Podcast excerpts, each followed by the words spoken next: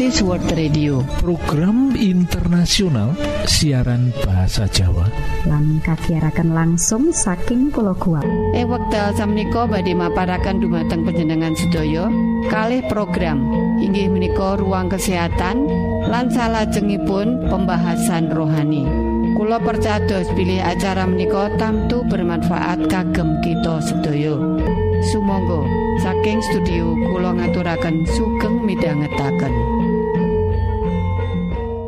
Pembahasan kesehatan ing wektu iki kanthi ira-irahan guyu utawa tertawa sebagai obat.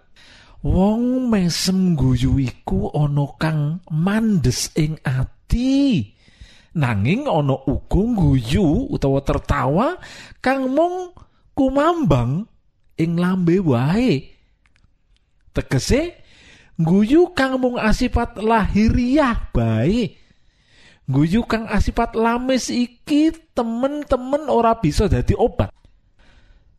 Salah sawijining pakar guyu sebagai obat utawa guyu minangka jamu kang asma Dokter Madan Kataria ing bukune yaiku Love for Nourishment tahun 2004 cerita ing organisasi esem guyu utawa klub tawa kono ana kang sambat bab kelakuane keluargane. Nalika kumpul-kumpul ing organisasi esem guyu dheweke uga sumeh guyang guyu guyang guyu nanging bareng ana omah kok banjur nesu-nesu emosional iki apa sebabe? Nampa pitakon kaya mangkono?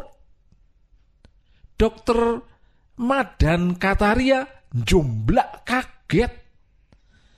Pakar jamu esem guyu iki kaget banget. Lan uga banjur ngulur nalar. Goleki sebab-sebabe. Bisa guyu ing pasamuan nanging bareng ana ing omah kok banjur emosional ngono iki asile renungan banjur nemokake. Sebab guyu ing klub tawa iku mung lamis wae. Ora bisa sajiwa marang suarane batine kalbu.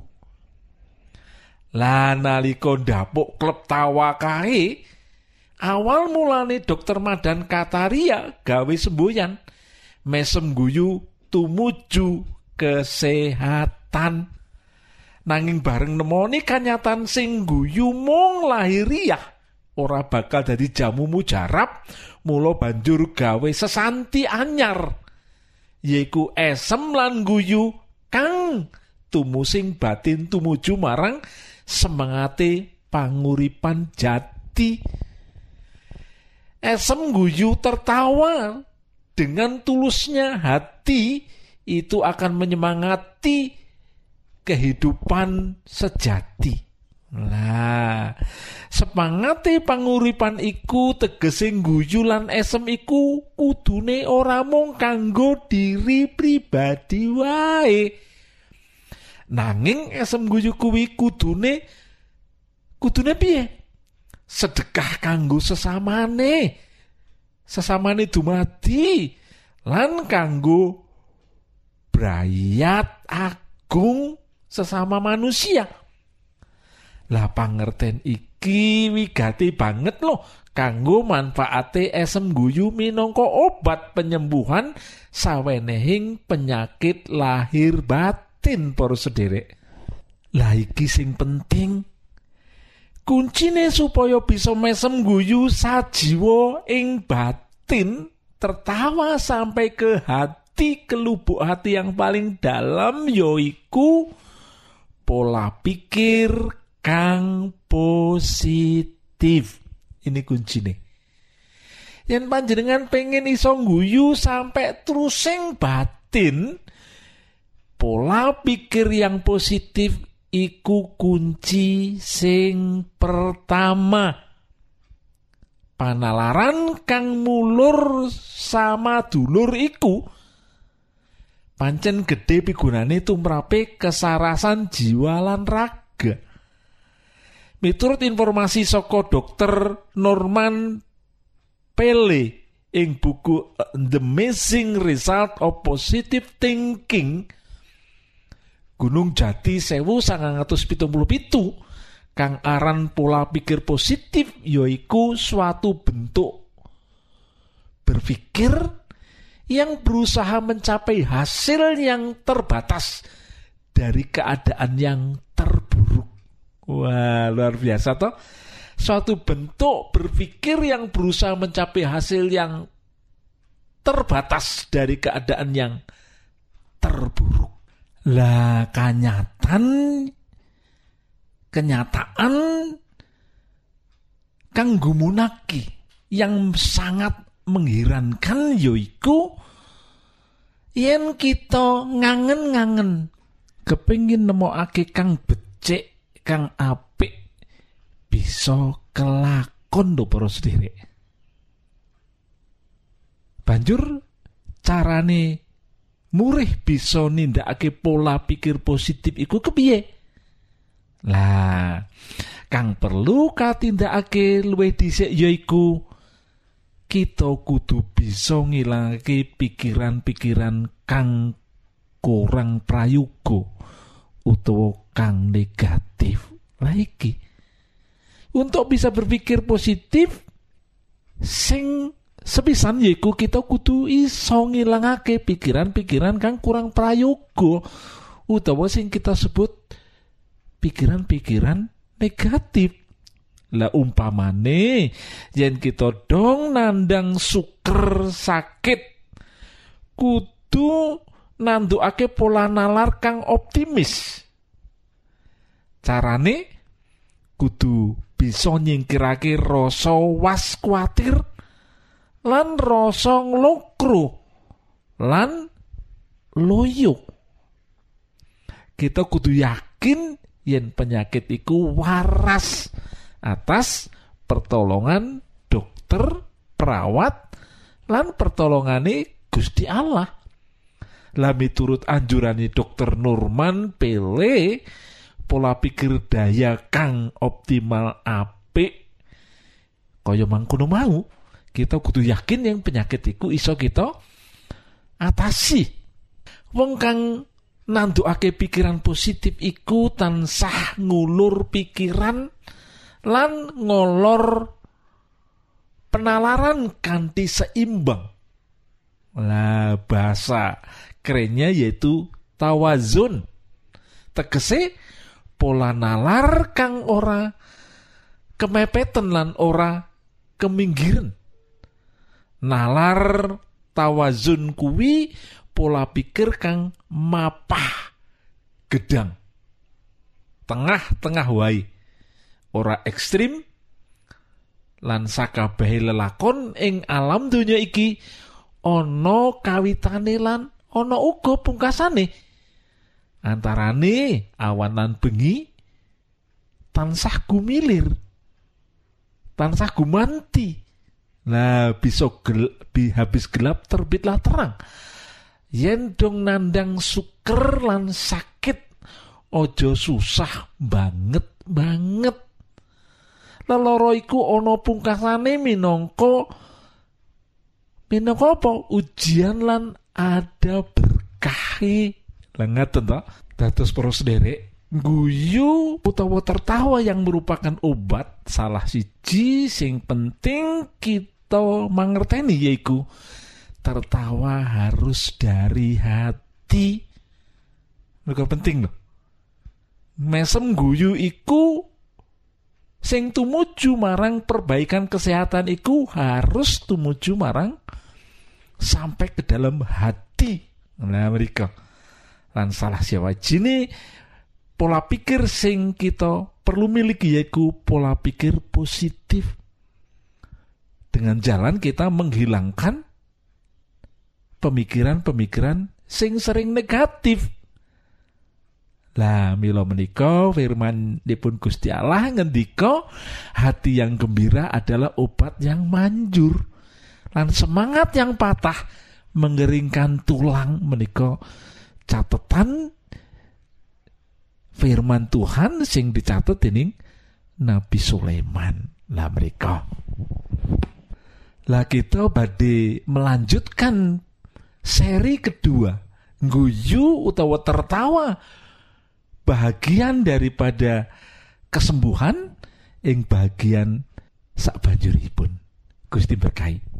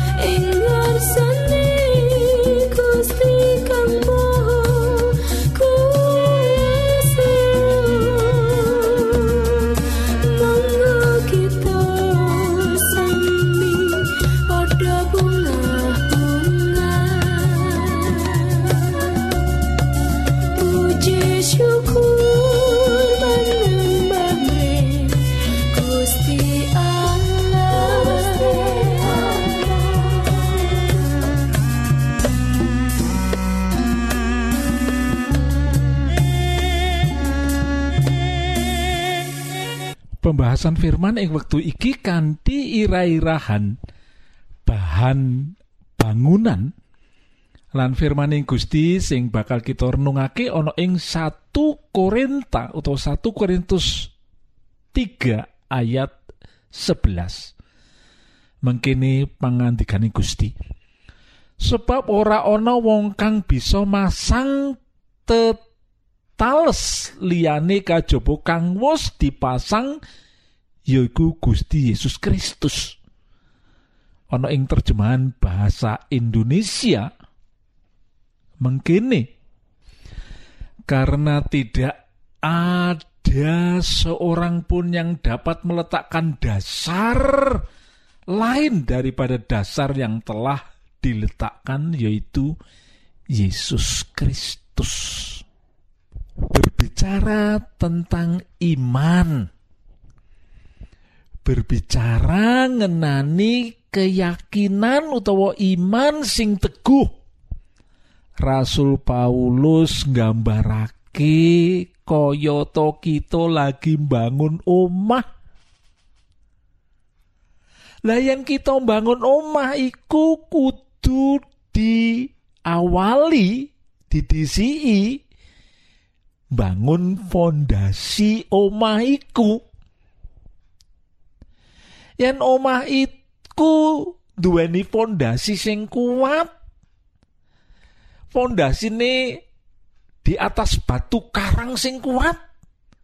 Yen teko udan, yen teko banjir, yen teko angin, ora gampang omah kita iku longsor lan ambruk.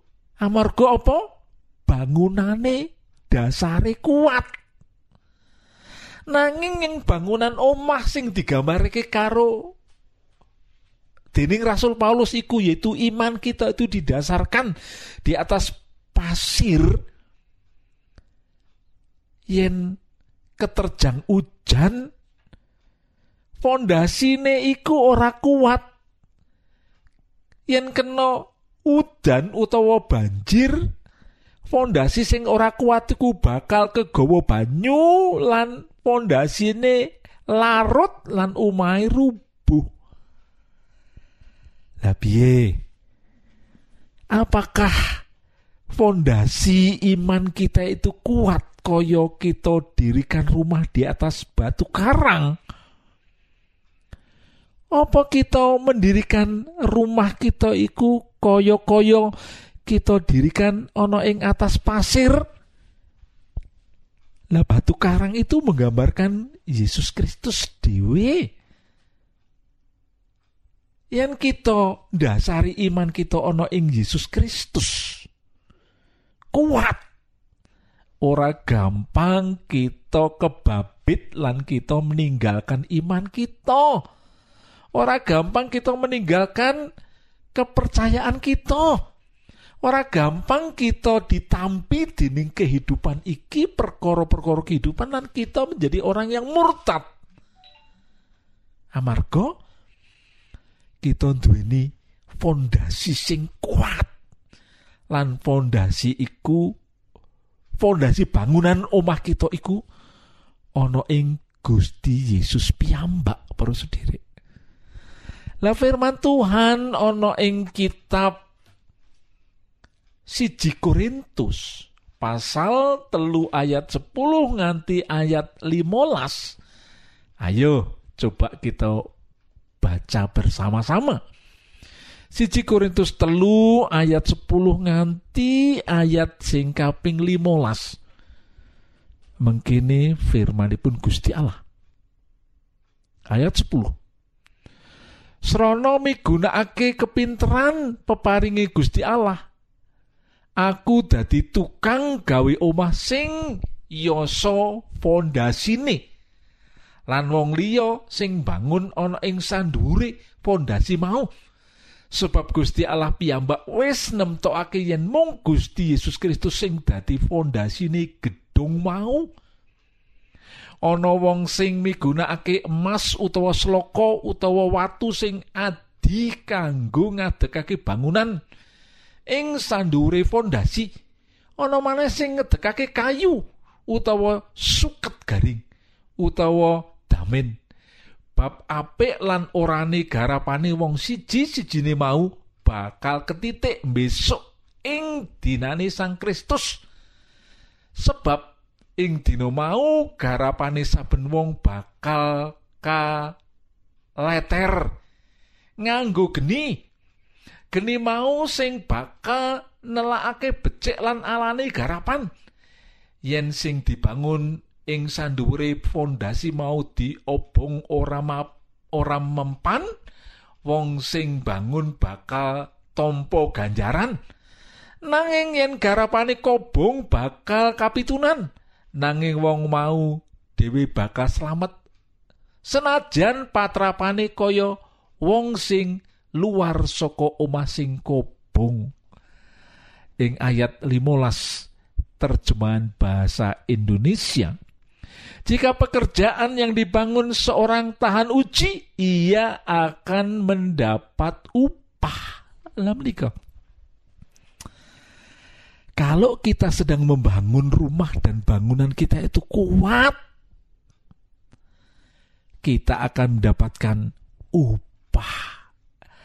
Tetapi bila mana bangunan yang kita bangun itu roboh amargo fondasinya ora kuat, lah kita bakal bangkrut lan gambaran bangkrut mau ing firmane Gusti Allah kita bakal ora keslametake.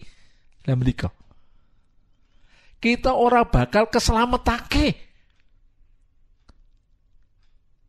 Kita tidak akan selamat lah siapa yang membangun rumah? Sing bangun rumah ya kita dewe iman kita dibangun di atas fondasi yang kuat apa ora itu yang membangun kita sendiri. Layan bangunan iman kita kuat firmane Gusti Allah ngendika ing ayat 14 jika pekerjaan yang dibangun seorang tahan uji ia akan mendapatkan upah dan upah sing dijanjikake dening Gusti Allah marang sok sapa wae sing duweni bangunan iman sing kuat mau yaiku hidup kekal selama-lamanya bersama-sama Tuhan. Lah saiki wektune kita introspeksi diri Apakah bangunan iman sing kita dirikan di dalam diri pribadi kita kuat atau tidak?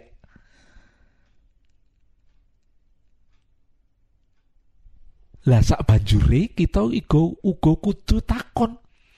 Lah bangunan sing didirikan di atas diri anak-anak kita apa juga kuat? Yang menanamkan iman yang kuat kepada anak-anak itu asal mulanya dari orang tua lah. Fondasi untuk anak-anak kita kuat nopo boten loh. Jangan-jangan anak-anak kita tidak kuat karena kita tidak memberikan nasihat lan kita ora menei tuntunan sing bener. Lah mulo menika monggo monggo kita duweni fondasi. Kita digambarake koyo sedang membangun rumah. Dan rumah itu adalah iman kita. Perlu fondasi ini ono ing batu karang sing kuat sing tahan uji, tahan banjir, tahan angin. Ojo koyo mendirikan bangunan ing fondasi pasir sing gampang hanyut di bawah air yang kecil saja. Akhirnya roboh. Lah menika perlu kawigaten lan perlu kehati-hatian. Lah milo mugio kita dados tiang jadi orang yang memiliki fondasi kehidupan yang kuat, fondasi iman yang kuat, dan fondasi yang kuat itu di dalam Yesus Kristus. Monggo kita tunggu Gusti nyuwun pangapunten menawi kawula boten bangun kerohanian kita kanthi kasucen. Mohon berkah mugi kula lan sederek-sederek sedoyo gadai iman yang kuat fondasi Yesus Kristus. Matur nuwun Gusti matur nuwun. Amin. Cekap semanten siaran Kawulo pilih wonten pitaken-pitaken utawi unjuin atur masukan-masukan lan menawi panjenengan gadah pengingan ingkang lebet. Badhe sinau ba pangantikaning Gusti lumantar kursus Alkitab tertulis Monggo. Pulo aturi pepanggihan kalian radio Advent suara pengharapan kotak pos wolu 00 Jakarta setunggal kali wolu setunggal 0 Indonesia. Panjenengan saged mlebet jejaring sosial Kawulo inggih menika Facebook pendengar radio Advent suara pengharapan utawi radio Advent suara pengharapan. Saking studio Kulo ngaturaken gong ing suci suci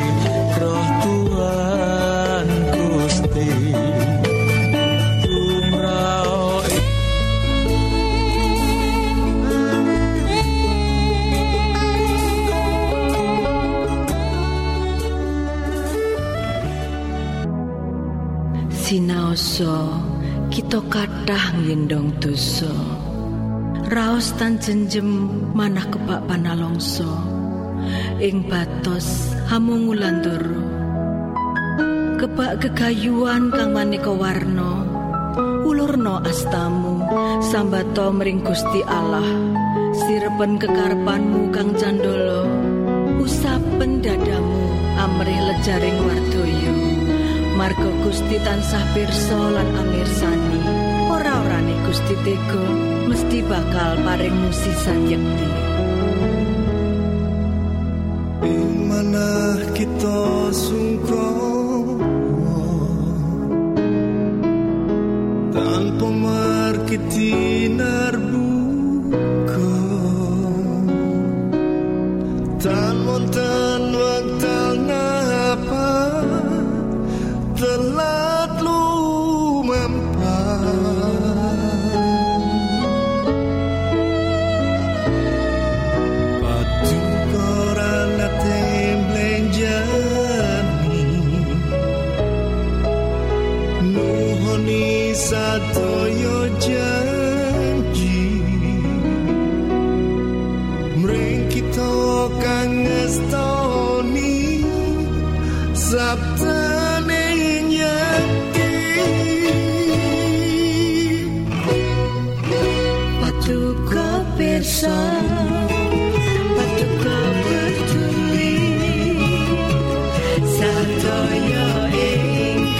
kita